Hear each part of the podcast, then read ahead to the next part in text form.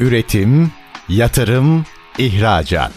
Üreten Türkiye'nin radyosu Endüstri Radyo sizin bulunduğunuz her yerde. Endüstri Radyo'yu arabada, bilgisayarda ve cep telefonunuzdan her yerde dinleyebilirsiniz. Endüstri Radyo.com Nüket Işıkoğlu'nun hazırlayıp sunduğu Demiryolu Günlükleri programı başlıyor. Demiryolu Günlükleri programından herkese merhaba. Her hafta demiryolu taşımacılığını ve demiryolu ile ilgili her konuyu konuştuğumuz programımızda bugün değerli bir stüdyo konuğumuz var. ArcelorMittal, Ray ve Özel Profiller Türkiye Orta Asya Bölge Müdürü Oktay Atçalı. Oktay Bey hoş geldiniz. Hoş bulduk. Merhabalar tekrar. Merhaba. Şimdi şöyle biz genelde programımızda hep taşımacılık olsun, işletmecilik olsun, insan kaynağı olsun, eğitim olsun, demiryolu ile alakalı her konuyu konuşuyoruz ama siz demiryolu sanayisini konuşacağız, altyapısını konuşacağız, ray üretiyorsunuz. Aslında bugün benim için de bir ilk program olacak. Dolayısıyla hani program sırasında benim de çok hakim olmadığım bir konu. Kendi merak ettiklerimi de soracağım dolayısıyla size. Öncelikle sizi tanıyabilir miyiz dinleyicilerimiz için? Oktay Atçalı ben. Burada İstanbul'da doğdum, Kadıköy'de, Bostancı'da. Ondan sonra İzmir'e gittik. Karşıyaka'da büyüdüm. Hı hı. Okul için tekrar burada, üniversite için tekrar İstanbul'a döndüm. Boğaziçi Üniversitesi'nde uluslararası ticaret okudum. Okuduktan sonra askerlik görevinden sonra hemen Arbed'e girdim. O zaman firmanın ismi Arbed'ti. Hı hı. Hemen arkasından 3 ay sonra Arcelor oldu birleşmelerle. O dönemler bir birleşme dönemi içindeydik. Hı hı. Çelik endüstrisinin biraz konsolide olduğu bir dönemdi. Arbed'in arkasından Arcelor oldu. Hemen 2007'de de ArcelorMittal oldu. Firmanın ismi 2006 sonu 2007'nin başındaydı herhalde hı hı. tam olarak kesin tarihi vermeyeyim de. 2007 tarihinden itibaren de firma ArcelorMittal çatısı altında en alttan asistan olarak girdiğim sektörde şu an bahsettiğiniz görevleri ifade Türkiye ediyoruz. Türkiye ve Orta Doğu Müdürü olarak devam ediyoruz. Ray ve bu özel evet. kalite profillerde evet bu, bu ürünlerin Aynen. satışını yapıyoruz o bölgeye.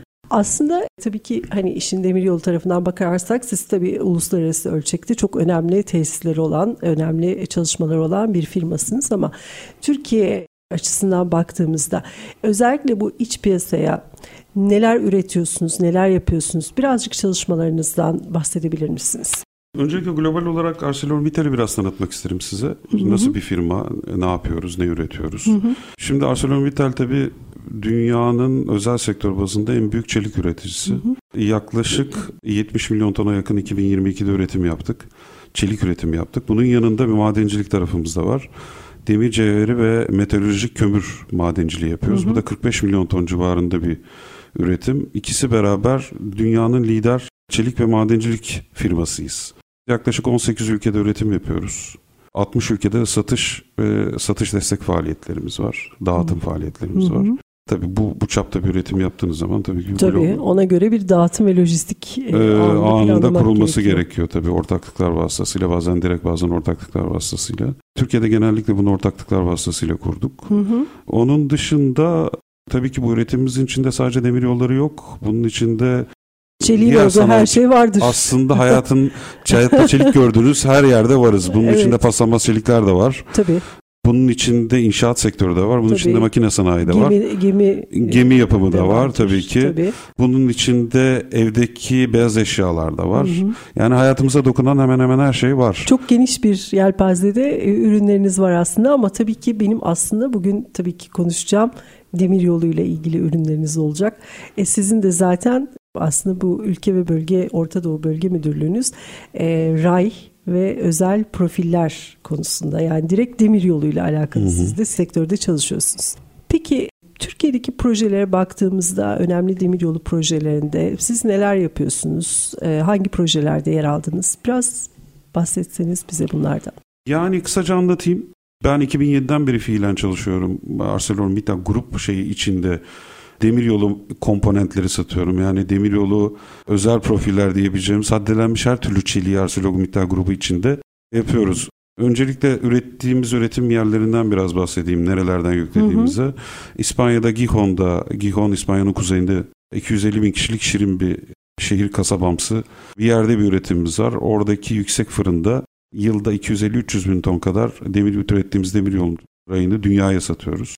Polonya'da ArcelorMittal Dabrova Gornica diye bir e, fabrikamız var. Hı hı. Dabrova Gornica Katowice ile Krakow arasında bir fabrika.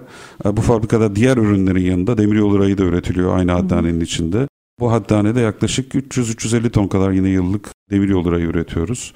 Polonya'da yine Dabrowa'ya yakın Krolewska diye bir fabrikamız var. Hı hı. Bir de Lüksemburg'da Rodanj adı altında oluklu ray ve vinç rayı ürettiğimiz hı hı. yani bu sektöre haiz ürettiğimiz özel bir ray haddanesi var. Haddane ne demek? Malzemenin haddelendiği yani son şeklinin verildiği, hı hı. çelikte bahsettiğimiz o profil tipinin e, şeklinin verildiği üretim sağlığına verdiğimiz isim bu. Bazı yerlerde hattanelerimiz var. Yani son ürün üretildiği yerler. Bazı yerlerde de demir cevheri aşamasından son aşamaya kadar entegre üretimin yapıldığı evet, yerler var. Yani sonuçta e, dünyada 18 ülkede üretim tesisiniz var ve neredeyse herhalde e, üretim tesislerinin dışında dağıtım olarak dünyanın tamamında etkin bir Dünyanın tamamını etkin yapamıyoruz. İşte bildiğiniz gibi bazı şeyler var. E, Aha, evet, e, limitasyon kısıtlamalar Doğru. var. Bütün dünyanın e, sizin de haberiniz olduğu gibi o kısıtlamalara da saygı göstermek durumundayız biliyorsunuz. Doğru, doğru. Borsaya kote olan her firma gibi. O kısıtlamalar dışında her ülkeye ulaşmaya çalışıyoruz. Her evet. ülke idaresine malzeme satmaya çalışıyoruz. Bu arada siz anlatırken benim aklımdan şey geçti. Bu raylar ne kadar uzunlukta çıkıyor fabrikadan ve onların lojistiğini nasıl yapıyorsunuz? Bizim şu an İspanya'daki fabrikada 108 metre maksimum üretiliyor. Hı hı. Polonya'da 120 metre yapılıyor. 120 metre rayı hiç kaynaklamadan hattan çıkartıyoruz. Ekstra bir kaynak sahasına bazen gönderiyoruz 240 metre haline dönüştürmek için. Ama normalde Avrupa içindeki şantiyelerin hepsi şu an 120 metrelik ray istiyor. Tabi Avrupa'da bu çok feasible. Neden? Avrupa'da sahalar ve büyük bir Avrupa ovası olduğu için özellikle Doğu evet. Avrupa'da ve aşağıda Güney Avrupa'daki dağlara kadar yani Alp hı hı. dağlarına kadar ciddi büyük bir ova olduğu için Almanya, Polonya, Çek Cumhuriyeti, Polonya'nın güneyi, kuzeyi, Romanya'da dahil olmak üzere buraya hemen hemen bütün Avrupa'ya 120 metrelik rayları vagonla dağıtabiliyoruz. E bu da şantiyelerde tabii daha az şey demek Hı hı. E, kaynak demek, Tabii. daha hızlı imalat demek ve just in time management demek. Yani tam zamanında evet. malzemenin teslim evet. edildiği, sahada da tam zamanında demiryolu hattının kapanıp imalatın yapılıp hattın bir daha tekrar açıldığı bir sisteme dönüş var. Oradaki organizasyon tamamıyla 120 metreye göre ama Türkiye'de bu her yerde böyle değil. Evet ben aslında Türkiye'de de bunu nasıl yapıyorsunuz uygulamasını da onu da merak ettim siz bunu anlatırken. Demir yolları sağ olsun TCDD'nin verdiği Aha. bize teminatla normalde biz 120 metrelik rayı bugün Türkiye'ye getirebiliriz. Hı hı. Yani Türkiye'de taşıtabiliriz 120 metrelik rayı. Hı hı. Fakat burada müteahhit arkadaşlarımızın, idareler buna hazır bu arada. Müteahhit hı hı. arkadaşlarımızın, müteahhit firmaların, ortaklarımızın 120 metrelik rayı hatta serecek ekipmanları kendilerine hmm. şey yapmaları lazım. Eğer evet. böyle bir ekipman yatırımına girer, setuplarını, düzenlerini kururlarsa çünkü çoğu şu an 36 metrelik panelle çalışıyor. Biz seve seve 120 metrelik ray Türkiye'ye de getiririz. Getirmek de istiyoruz bu arada. Bu arada aslında o 120 metrelik rayın buraya gelmesi ve o şekilde döşenmesi hani hem zamandan hem şeyden de tasarruf anlamına tabii, geliyor tabii. değil mi? Ayrıca şey rayın kullanımı açısından da şimdi ben hani bilmediğim için sormak istedim. Kaynakların olmaması ve 120 metre direkt hani tek bir ray olması hani hattın güvenliği açısından da bir etkisi oluyor mu bunun? Çok fazla oluyor. Neden? İki buçuk neredeyse iki buçuk kaynak kadar hı hı. daha az kaynak yapıyorsunuz. Biliyorsunuz her kaynak bir e, evet, failure noktası, bağlantı bir noktası. bağlantı noktası. Her bağlantı noktası bir risk noktası. Aa, bu ben demiyorum ki kaynaklar bugün risk noktasıdır. Hayır, Değil, kaynaklar standartına ki. göre yapıldığı zaman onlar için de risk minimum oluyor ama hiç olmaması Tabii, e, daha, olma, çok, tercih daha çok tercih edilebilir bir konu. Evet. O yüzden biz demir yollarına da müteahhit firmalara da 120 metrelik rayları öneriyoruz. Tabii ki nakliyeden kaynaklanan bir ekstra maliyet var. Ama biz onu da minimize edip bir kısmını belki biz alıp Hı hı. Türkiye'de bir proje, buradan sesleneyim herkese. Bir projede bu işi yapmak isteriz. Yani bizi dinleyen eğer müteahhit firmalar evet. varsa üst yapı firmaları. 120 metrelik. 120 e, metrelik sahaya şantiye ray getirmek istiyoruz. Tek parça kaynaksız. Tek parça kaynaksız. Bu evet gerçekten hem de Türkiye'de de bir ilk uygulama olur. Belki ondan sonrasında da. Peki bunu hatta döşeyecek o ekipman yatırımı çok mu e, pahalı Bazı firmalar için mı? maliyetli bir yatırım, bazı firmalar için değil. Çünkü ellerinde Hı-hı. zaten hali hazırda bazı ekipmanlar var. Hı-hı. Ama tabii o ekipman ama bu bir süreç. Tabii. Yeni hiç elinde ekipman olmayan firma için aslında kolay bir iş. Hı hı. Ama elinde panel e, serme makineleri o hali hazırda eski tipte bir imalat sistemi olan. Eski tip dediğimiz de güvensiz bir sistem değil ama eski tip imalat sisteminin olduğu sistemde hı hı. olan firmalar için tekrar bir daha farklı bir Anladım. Yeni bir yatırım, yeni bir yatırım gerekiyor. modeli demek. Doğru. Bunun için özel vinçler gerekiyor. Bunun için bir ray serme makinesi gerekiyor vesaire. Bu tabii ki bununla ilgili de bir hesaplamalarımız var tabii biz firmalarla tek tek görüşüyoruz. Bazıları için var, bazıları için yok gibi gözüküyor. Evet. Gerçekten bu benim için de çok enteresan bir bilgi oldu. Yani hani ben bilmiyordum o kadar 120 metre uzunluğunda tek parçada bunların fabrikadan çıkabildiğini bilmiyordum ama size anlatırken lojistikle beraber döşenmesi benim için de çok yeni bir bilgi oldu. Teşekkür ederim. Bu arada ben tabii sizin web sayfanıza da baktım. Özellikle bu çevre konusunda ray üretiminde kullanılan çeliğin yaklaşık %25'i geri dönüştürülmüş çelikten geliyor ve bu da aslında ham madde ve enerji tüketiminde önemli bir azalmaya yol açıyor. Siz ISO 14001 standartında uyguluyorsunuz. Tabii çevre yönetim sistemi. Bu konuda neler demek istersiniz? Özellikle bu yeşil mutabakat sürecinde ve bu çevreyle alakalı hassasiyetlerin son derece arttığı bir dönemde ve bizim gibi ticaretinin büyük bir kısmını Avrupa Birliği ülkeleriyle yapan bir ülke olarak konum itibariyle baktığınızda Özellikle bu hani üretimde siz gerçi Avrupa'da üretim yapıyorsunuz ve dolayısıyla bütün bu çevreyle alakalı müktesebatı olduğu gibi tabii direkt uyguluyorsunuz. Bu açıdan baktığımızda mesela dünya ile rekabetinizde hani belki herkes sizin kadar hassas davranmıyordur bu konularda. Nasıldır durum? Ben bunu da merak ediyorum, öğrenmek istiyorum. Şimdi samimi fikrimiz şu. Türkiye'de bizim üretimimize ben tabii Avrupa'daki ArcelorMittal'in ürünlerini Türkiye'ye satıyorum. Hı hı. Türkiye ve çevre ülkelere. Bu da ayrıca ekleyeyim Türk müteahhitlerinin aktif olduğu tüm bölgeleri de takibini biz burada Türkiye ofisi üzerinden yapıyoruz. Hı hı. Yani müteahhitlerin de biliyorsunuz Türk müteahhitleri de çok aktifler. Onların sayesinde evet, de o evet. pazarlara yani bundan bahsettiğimiz Etiyopya, Tanzanya, bugün Balkan pazarları, Bosna, Romanya, Bulgaristan gibi piyasalara da sağ olsunlar evet. giriyoruz evet. Hı. Onların da bu konuda ciddi bir şey var, desteği oluyor. Ticari koşullar yardım ettiği sürece tabii o da hı hı. E, ticari hayatın bir parçası. Bu koşullar içinde tabii ki karbon e, net karbon zero yani sıfır hı hı. Kar, net karbon sıfır hedefimiz var 2050'de. Raylarda tabii %25 bazı ürünlerde daha da fazla. Hı hı. Tabii ki hurda kullanıyoruz. Yani geri dönüşülebilir malzeme çelik. Hı hı. Geri dönüştürülebilir malzeme çeliğin bu üretiminde raylarda da hurda ve geri dönüşülebilir çelik yani daha düşük karbon salınımına geçmek için ciddi yatırımlar içine giriyoruz. Hı hı. Avrupa'da bütün çeliklerde, bütün fabrikalarda bu dönüşüm var. Yani bizim bütün fabrikalarımızda ciddi oranda var. Dünyada bunu yapıyoruz evet, bu dönüşümü. Evet. Ama bu dönüşümün içinde Avrupa'da özellikle spesifik olarak kararı alınmış bazı projeler var. Bunlar duyurulmuş işler. İspanya'daki mesela üretim yaptığımız fabrikayı bir ark ocağına dönüştürme yani hurdadan üretim yapan bir fabrika Hı-hı. haline dönüştürme projesi var.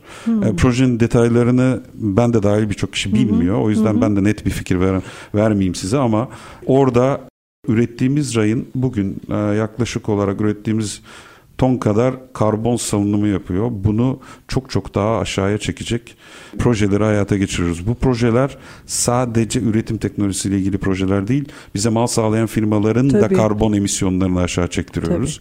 Tabii. Yani supplier'larımıza, bize tedarikçilerimizin de adım adım tüm zincirdeki tüm zincirin karbon evet. salınımını aşağıya çekiyoruz ki bununla beraber daha düşük karbon salınımında imalat yap, e, yapmış evet. olalım. İdarelerin ve dünyanın bizden talebi bu. Evet, e, lider firma olarak da bunun arkasında kalmamamız gerekiyor. Evet, bizim. örnek olmanız gerekiyor. Örnek olmak gerekiyor. Yani rayın kullanım ömrü dolduğunda herhangi bir özelliğini etkilemeden veya kaybetmeden tamamen hurda olarak geri dönüştürülür. Az önce söylediniz ya İspanya'da hani böyle bir şeye de gireceğiz tamamen hurdayı tekrar yeni raya dönüştüreceğiz ve tabii ki doğal kaynak tüketimi de önemli ölçüde azalacak bu şekilde. Şimdi isterseniz kısa bir reklam arasına gidelim sonra kaldığımız yerden devam edelim. Üretim, yatırım, ihracat. Üreten Türkiye'nin radyosu Endüstri Radyo sizin bulunduğunuz her yerde. Endüstri Radyo'yu arabada, bilgisayarda ve cep telefonunuzdan her yerde dinleyebilirsiniz. Endüstri Radyo.com ST Endüstri Radyo'da Demiryolu Günlükleri programına kaldığımız yerden devam ediyoruz. Konuğumuz ArcelorMittal firması Ray ve Özel Profiller Türkiye Orta Asya Bölge Müdürü Oktay Atçalı. Oktay Bey, Birinci bölümde aslında sormuştum da tabii konu konuyu açıyor. Atladık sizin. Türkiye'de yaptığınız projelerden bize biraz bahsedebilir misiniz? Ben bu işe dahil olmadan hemen önce başlayan bir Ankara Eskişehir projesi var. Zaten hızlı İspanya, tren hızlı projesi. tren. Ankara Eskişehir hızlı tren projesinin Ankara Eskişehir tarafındaki o bölümdeki Ankara İstanbul'un Ankara Eskişehir tarafını hı hı. Alarko OHL firmasına temin etme şansına sahip olduk hı hı. bu projede. Hı hı. Onun dışında Marmaray var. Önemli kritik projelerden. Bizim için çok önemli bir proje çok Marmaray önemli bir tabii proje ki. tabii ki. İstanbul'un hayatını kolaylaştıran önemli, en önemli kritik proje diyebiliriz hatta. Bir de özellikle tabii ki bizim hayatımızı rahatlatıyor. Ben kullanıyorum çok yoğun bir şekilde. Hani Boğaz geçişlerinde özellikle ama onun dışında özellikle gece yük treni geçişlerinde de Marmara'yı kullandığımız için hani bu kıtaları bağlama konusunda da aslında bizim Avrupa ile entegre olmamız konusunda önemli bir adım olduğunu düşünüyorum Marmaray'ın. Çünkü yük trenleri de tehlikeli madde ve dökme yük olmadığı müddetçe konteyner ve normal konteyner içindeki normal demiryolu yükleri kıtalar arasında da hareket edebiliyor ve böylece hiçbir aktarmaya gerek olmadan Avrupa'ya kadar devam edebiliyor bu şekilde. Dolayısıyla önemli bir proje. %100 katılıyorum size. Marmaray Türkiye'nin İstanbul'un belki en kritik projelerinden biri. Evet, evet. Şimdi biliyorsunuz Balkanlarla Türkiye'yi bağlayan var hattın yenilenmesi projeleri evet, var. Halkalı evet. hattının bağlantı projesi var. Hı hı. O projelerle Halkalı Kapı Kule projesiyle hı hı. beraber çok çok kritik projeler bunlar. O hatların evet. hepsinin rehabilite edilip sektöre kazandırılması özellikle yük sektörüne kazanılması hı hı. bizim için çok önemli. Bizim hı hı. de bunun içinde payımızın olması bu iki kritik projede işin sadece satış aşamasından bahsetmiyorum ama sürece dahil. Tabii. Yani birçok iş yapabilirsiniz ama bu işlerin karşılığını demiryolu sektöründe gerçekten eğer sektörü seviyorsanız karşılığını aldığınızı düşünüyorum. Ne açıdan? Çünkü bunlar içinde olmaktan hem ben kişisel olarak mutluluk duyduğum hı hı. projeler hı hı. hem de grup firmanın ArcelorMittal'in de başarılı. olmasında içeride olduğu ve bundan dolayı gurur duyduğu önemli altyapı projeleri. Tabii. Çünkü Türkiye'ye değer katan projeler ama insanın hayatına dokunan projeler her Kesinlikle öyle. Yani hem yolcu tarafında hem yük tarafında ülkenin ticaretine, ekonomisine direkt etki edecek. Sonuçta trenler raylarda gidiyor. Yani bu rayları bir şekilde düşürmemiz lazım. Bunun da güvenli olması lazım Aynen, değil mi? Yani bunun güvenli, güvenliliği çok önemli. Evet ve düzgün olması lazım ki hem uzun ömürlü olsun hem sağlıklı bir şekilde yolcu ve yük taşımacılığı yapılabilsin. Tabii ki çok önemli bir proje. Bu konuda evet siz ee, bu arada yani ben Samsun araya... Kalın var. Heh, onu Adana Toprak Kale var. İzmir'de birçok hat var. Eskişehir'de gar geçişi var. Hı hı. Ee, İstanbul metrolarında Yeni Kapı Taksim hattı var. Boğaziçi Üniversitesi aktarması var. Seyran Tepe aktarması var. Bu arada şey tabii hafif raylı sistemde de ayrı bir ray değil mi? Ee, oluklu raylarımız ve hafif evet. raylı sistemler için daha e, kilogram metresi düşük raylarımız var. Oluklu Hı-hı. raylarla Türkiye'deki tramvay projelerine destek verdik. Yani bunlar işte evet. Eskişehir'in bütün hatlarını biz verdik. Verme şansına Oo, sahip olduk. E, evet. Eskişehir Türkiye'nin biliyorsunuz göz Tabii, nuru e, tramvay. Ve şey e, tramvay da orada çok keyifli geçtiğimiz haftalarda orada bir demiryolu fuarı vardı. Biz de oradaydık. Ben e, hani fuarın tabii ki İstanbul'da da oluyor gidiyoruz ama Eskişehir'de olması bana çok farklı bir tat verdi. Çünkü Eskişehir şehir olarak çok güzel bir şehir. Fuardan çıktığınızda hani şehir merkezine ulaşmak için çok uzun zaman harcamıyorsunuz. Trafiğe falan takılmıyorsunuz ve raylı sistemler çok güzel vızır vızır işliyor. Çok yoğun kullanımı var. Yani o bakımdan baktığımızda çok güzel raylı sistemlerin kullanılması. Bir taraftan da tabii Eskişehir Demiryolu'nda başkenti. Yani bütün demiryolu ile alakalı o Tülomsaş olsun, eski demiryolu meslek okulu falan hep Eskişehir'de olmuş, yapılmış. Hala da üniversitede bölüm var. Dolayısıyla önemli bir şehir. Peki başka hangi büyük şehirlerde İzmir'in tramvay... bütün İzmir'in bütün tramvay network'ü diyemeyiz ama çoğunu ben İzban. verdim. İzmir tramvayı. Ha, İzban'da normal. da 2-3 evet. hatta e, verme şansımız Hı-hı. oldu spesifik Hı-hı. hatta. Hı-hı. Bir tanesi bildiğim kadarıyla yanlış hatırlamıyorsam herhalde Selçuk hattıydı, Selçuk bağlantısıydı. Hı hı. Onun dışında Torbalı Selçuk hattını verdik. İzmir tramvayının ilk başlangıçtaki büyük İzmir tramvay projesini yaptık. Karşıyaka bağlantısı değil ama hı hı. yani şu an Çiğli bağlantısı dışındaki bütün hattı verdik. Narlıdere projesine malzeme verme imkanımız oldu. İzmir metrosuna malzeme verme imkanımız oldu. İstanbul metrolarına oldu. Ankara metrolarına oldu. Evet yani hem e, yük taşımacılığında yani, konvansiyonel hatlarda hem de kent içi raylı sistemlerde etkin ürünler. Peki bir soru daha soracağım burada merak ettiğim için. Hafif raylı sistemlerde de gene aynı uzunlukta mı oluyor ray üretimi?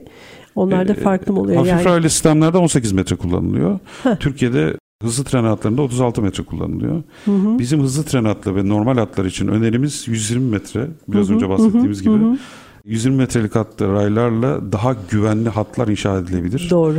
Ama hafif raylı hatlarda ve tramvaylarda 18 metre bir dünya standardı. Herkes öyle kullanıyor. Anladım. E, fakat onlar için de bizim birkaç inovatif önerimiz var. Artık direkt ray sağlayıcısı değil de çözüm sağlayıcısı olma yoluna gitmek istiyoruz. Yani hı hı. işi bir tık daha büyütmek istiyoruz kısacası. Hı hı. Bunun içinde ne var? Bir, oluklu raylarda, kurplarda özellikle yoğun aşınmanın olduğu yerde e, bizim Golden Rail, altın ray dediğimiz içini kaynakla doldurduğumuz bir ray tipi var. Bunun hmm. için bir alt yüklenici kullanıyoruz Avrupa'da. Hmm. Kaynak dolgu yapıp bunu sahaya teslim ediyoruz. Bu arada bilmeyen dinleyicilerimiz için ben burada kısa bir bilgi vereyim. Kurp dediğimiz viraj. Ha, viraj evet, evet, evet, evet. evet, evet. Bunun, bunu ilk defa duyanlar için kurbu evet. detaylayalım. Viraj. Dönüşler için böyle çözümlerimiz var. Evet. Dönüşlerde Bu çok, çok önemli çünkü trenlerin Özellikle yüksek hızlı trenlerde yani o hani dönüş eğiminin geniş olması ve oradaki ray bağlantısının sağlam olması trenin güvenliği açısından, güvenliği ilerlemesi açısından çok önemli. Çok önemli. Orada önerdiğimiz çelik tepe bir tık daha farklı başka bir Hı-hı. malzeme için. Hı-hı. Benim şu an bahsettiğim şehir içi tramvay ve hafif raylı hatlarda. O da çok kritik özellikle uzun dönemde çalışabilmesi için çünkü Türkiye'de şehir içi tramvay hatları standart tramvay yükleriyle ne yazık ki çalışmıyor.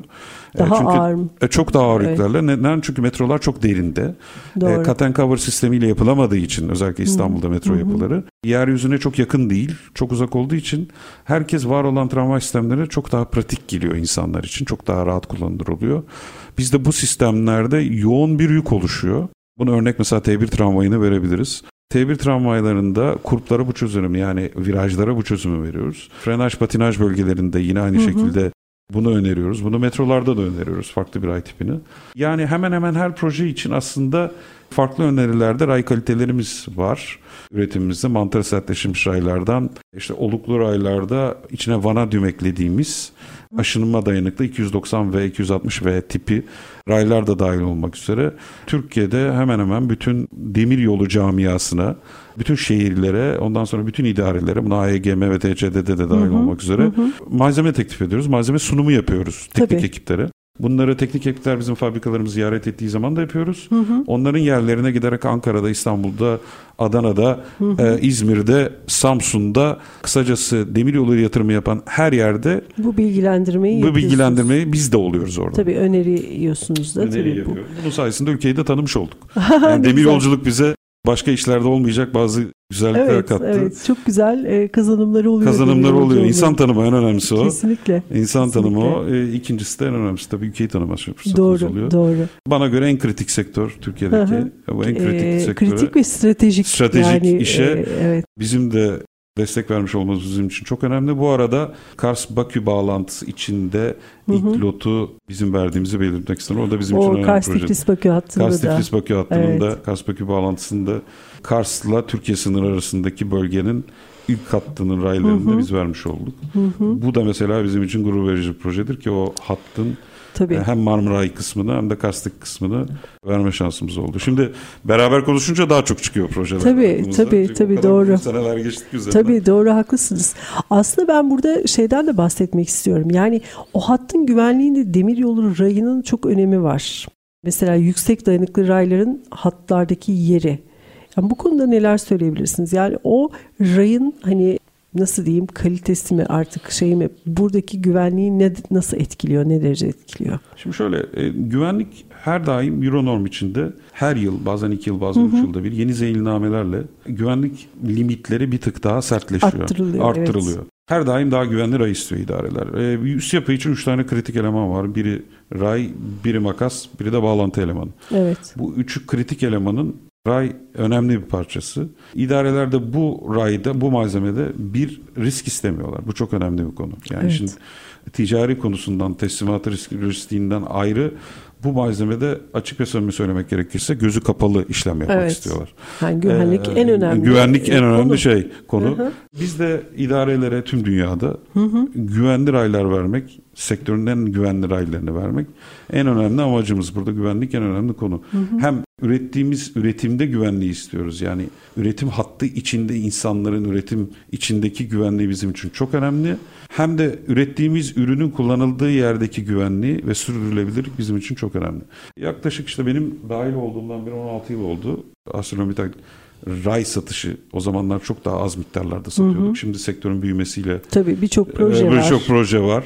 Şeye geldi. Özellikle bu dönemdeki işte ba- bağlantılarıyla beraber iş sektör de çok büyüdü. Bununla beraber bizim de payımız arttı.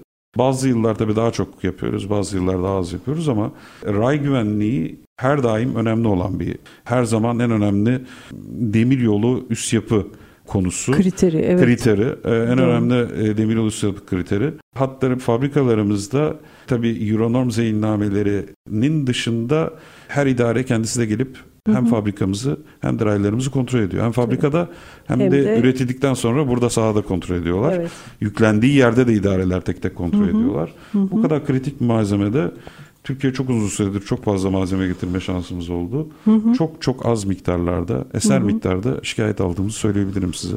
Ben Türk... şey de pardon buyurun, buyurun, e, buyurun, bitti zannettim. Aslında şeyi de merak ediyorum Oktay Bey. Şimdi demiryolu hatlarını görüyoruz, geziyoruz, duyuyoruz.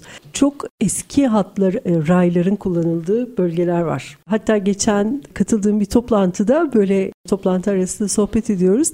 Orada bir iltisak hattı üzerinden taşıma e, yapanlar bana dediler ki bizim iltisak hattı üzerindeki rayların üzerinde işte 1800 tarihi 1800'lerin sonu tarihleri hala damgalı olarak duruyor ve biz hala o rayların üzerinde taşıma yapıyoruz dediler. Mesela biliyordum bunu ama direkt hani son dönemde duymamıştım. Çünkü hatlar hep yenileniyor.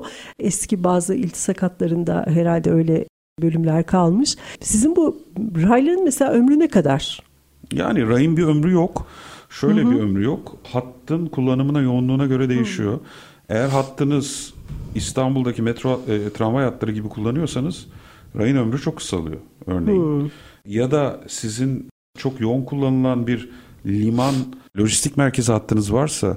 Bunlar neresi olabilir? İzmir olabilir mesela. Evet, Mersin çok, olabilir. Mersin olabilir evet. mesela. Yani yoğun demiryolu, yoğun a, yük taşımasının yapıldı. Özellikle yük taşıması için bahsediyorum. Hı hı. Hatlarda eğer yumuşak ray kullandıysanız yani malzemenin R260 dediğimiz daha yumuşakça ray tiplerini kullandıysanız hı hı. o hatta hızlı erime olur rayda. Hı. O da tabii otomatikman hattı hattaki ray değişimini hızlandırabilir.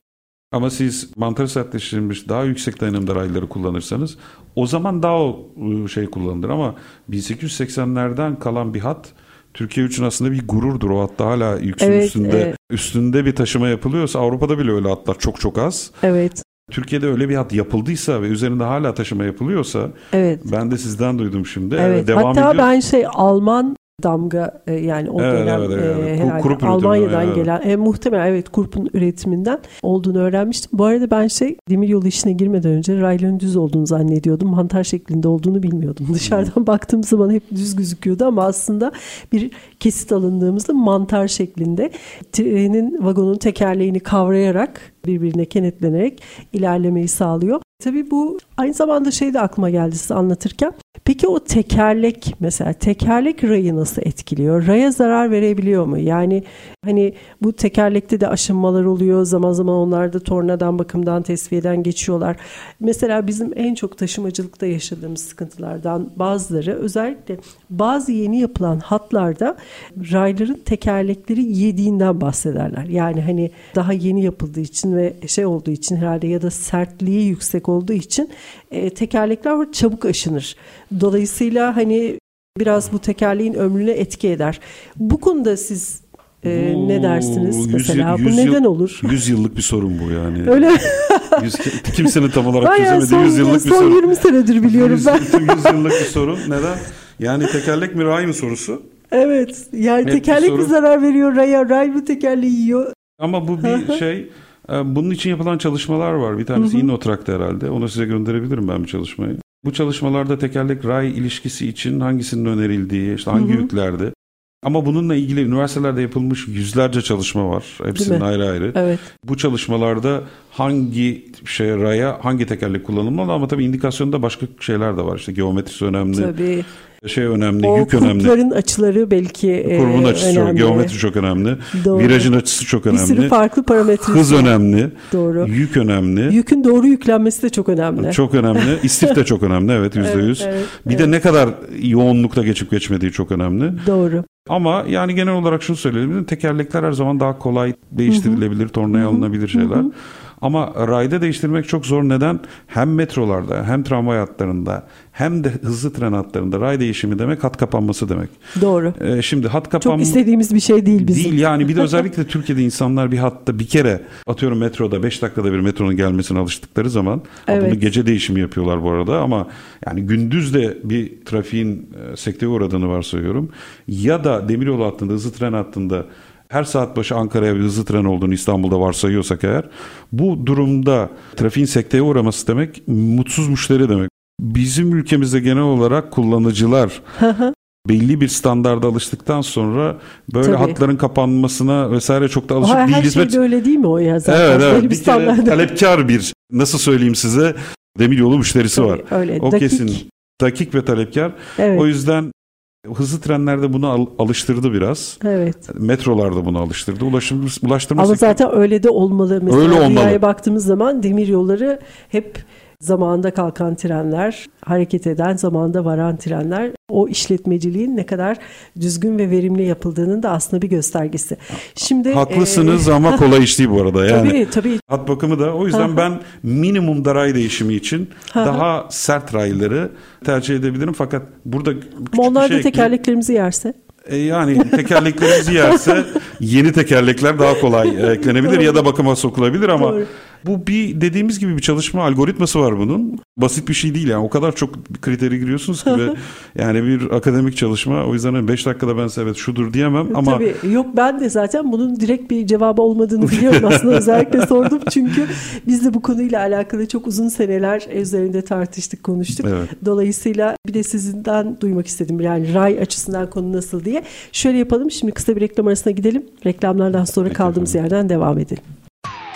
Üretim, yatırım, ihracat.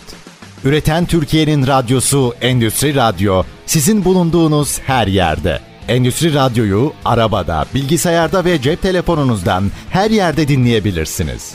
Endüstri Radyo.com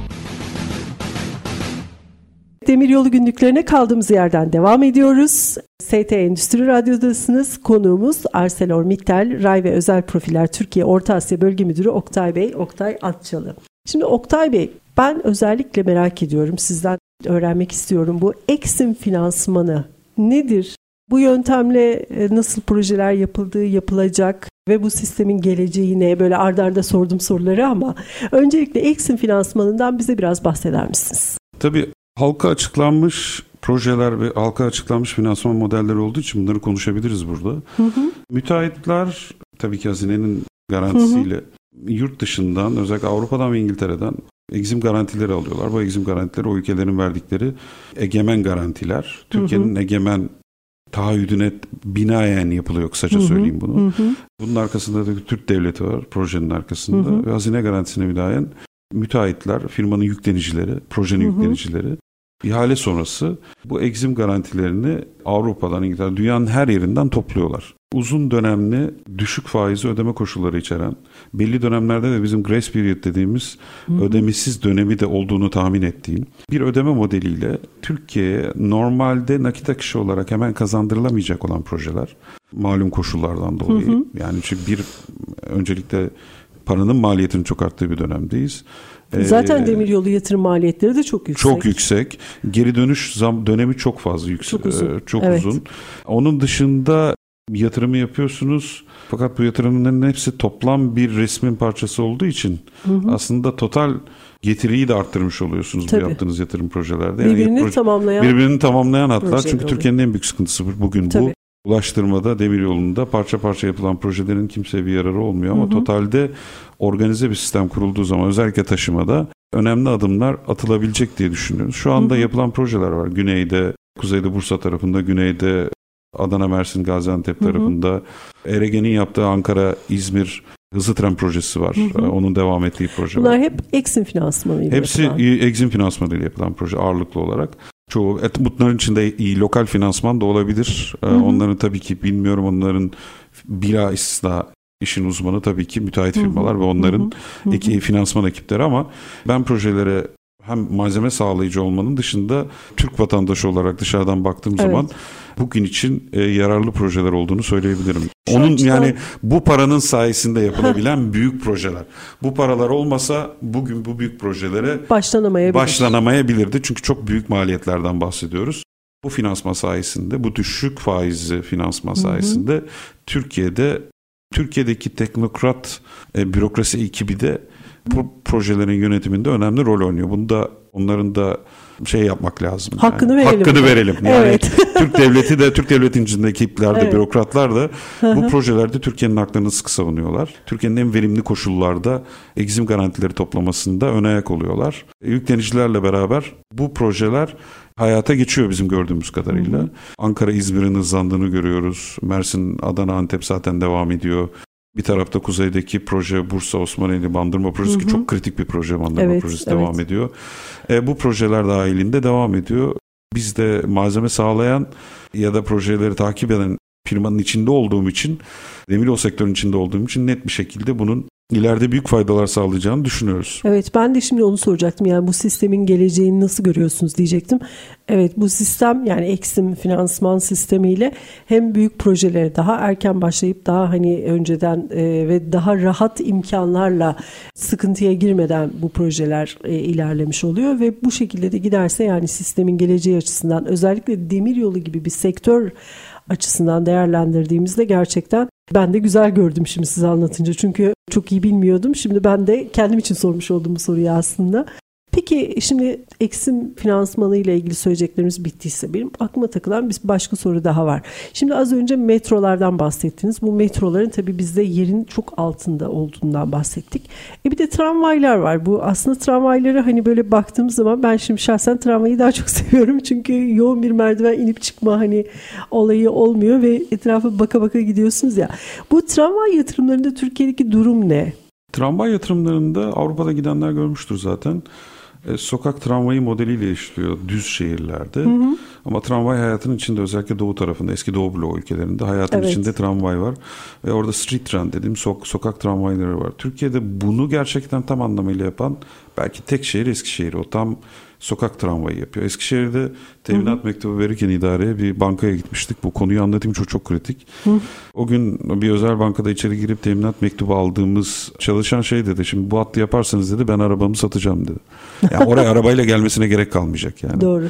E Şimdi bu çok önemli bir şey bir insanın Kesinlikle hayatına. çok önemli bir şey. O, o, o parayı bambaşka kaynaklara kullanabilir insanlar, şehirde yaşayan insanlar. Onun dışında da tramvay hatları insanların hayatına, evine dokunabiliyor tabii. Her şehirde bu kadar rahat yapamıyorsunuz. İstanbul'da tramvay ya- yatırım yapmak kolay değil. İstanbul çok Kolay büyük bir metropol. Hem çok büyük hem çok farklı bir yapılaşma var. Tarihi bir kent.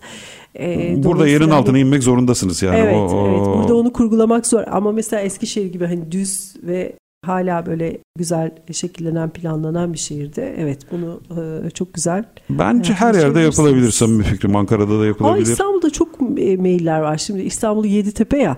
Hani Evet. böyle tırmanışlar var, eğimler var falan. Hani İstanbul'da nasıl olur bilmiyorum. Hani Onun bazı içinde fin, füniküler olabilir mesela Boğaz'daki gibi. Evet, evet. Ee, yani iki tane füniküler var biliyorsunuz. Biri Kabataş'ta Kabataş'ta, biri de aşağıda Boğaziçi. Bebek'te var. Evet. Yani A- Aşiyan'daki e, füniküllerde. Aha. O ikisi ne benzer yapılarla aslında birleştirip Evet. sisteme dahil edip yapılabilir. Yani olabilir tramvay. Hatta mesela tünel de finiküler. Evet. Tünel de bir füniküler sonuçta. evet. Yani tarihi. metro adını verdiğimiz tünel bir füniküler. Yani İstanbul için zaten bu tip füniküler tip yapılar çok verimli yapılar. Onun dışında dediğimiz gibi birçok proje sistem düşünülebilir tramvayda. Hemen hemen her şehire Türkiye'de tramvay planlanabilir. Verimli olur. Öncelikle e, çevre dostu olur diye düşünüyorum. Çünkü elektrikle sonuçta elektrik enerjisiyle hareket eden bir sistemi bahsediyoruz. Bu değişim öncelikli olarak tramvaylarda olacak. İstanbul'da da bu arada ciddi tramvay yatırımları oldu. Evet, hani evet. Beyköy'e bağlandı en son tramvay. Da çok önemli bir proje. Kazıklar çakılarak oturtulduğu üzerine T1 tramvayı ki dünyanın en yoğun tramvayı herhalde. Evet. Benim görebildiğim kadar dünyada en çok kullanılan tramvay. Yani Evet. T1 tramvayı çok kritik bir tramvay attı. Ama bugün metro İstanbul'da çok çok T1 önemli bir tramvayının e, güzergahında nerede bitiyor? Ben şu anda Benim bildiğim kadarıyla Merter'den başlıyor. Ben yanlış bilmiyorsam eğer. Evet. Eskişehir'in içinden geçiyor. Yani Millet Caddesi'nin ortasından geçiyor. Aşağıya şeye kadar iniyor. Sultanahmet'e geliyor. Meydandan Cağaloğlu'ndan, Cağaloğlu'ndan pardon, Gül, Gülhane Parkı'nın önünden aşağı iniyor. Evet. Sirkeci, Sirkeci'den Kabataş'a geliyor. Kabataş'ta bitiyor diye Evet. biliyorum. Evet evet evet doğru. Tamam şimdi T1 hattı deyince doğru. Benim de aslında kullandığım bir hat o.